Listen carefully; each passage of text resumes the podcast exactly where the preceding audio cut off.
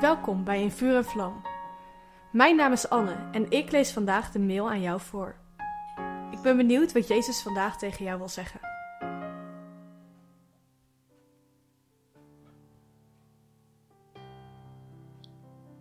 In Exodus 29, vers 1 lezen we dat het doel van de ceremonie om mensen in te wijden tot priester was om hen te heiligen.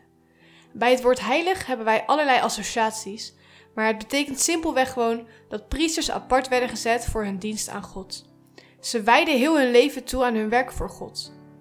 God dienen doe je niet half-half. Het vraagt alles van je. Zoals de priesters hun leven toewijden, mogen wij dat nu ook doen.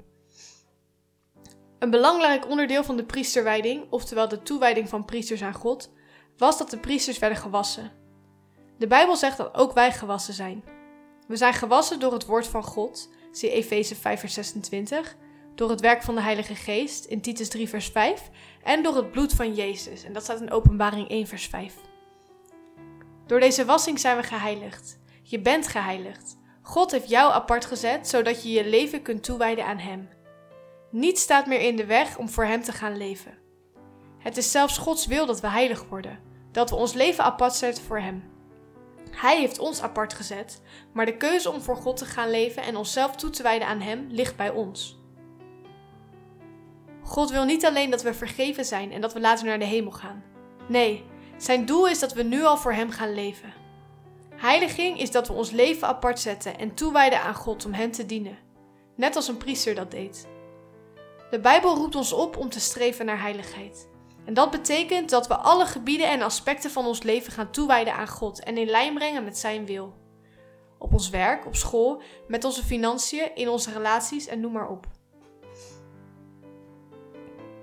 Priesters droegen zelf een zichtbaar gouden plaat op hun voorhoofd, waarop stond de heiligheid van Yahweh. Het liet zien dat de priesters in eerste plaats dienaren van God waren. Ook wij zijn in eerste plaats geroepen om dienaren van God te zijn en om van daaruit mensen te dienen. Met alles wat we doen, denken en zeggen, mogen we God gaan dienen. Zo wil Hij zichzelf door jou heen laten zien aan deze wereld. Op het moment dat ik ervoor koos om Jezus te volgen, stond mijn wereld op zijn kop. Opeens besefte ik de impact van mijn keuze. Ik leef niet meer voor mezelf. Ik ben bedoeld om voor God te leven. Ik wil voor God leven en dat mag me alles kosten. Het leven als priester herinnert me iedere dag aan deze waarheid. Ik leef om God en de mensen om me heen te dienen. Mijn leven is niet meer van mij. Wil jij jouw leven ook toewijden aan God?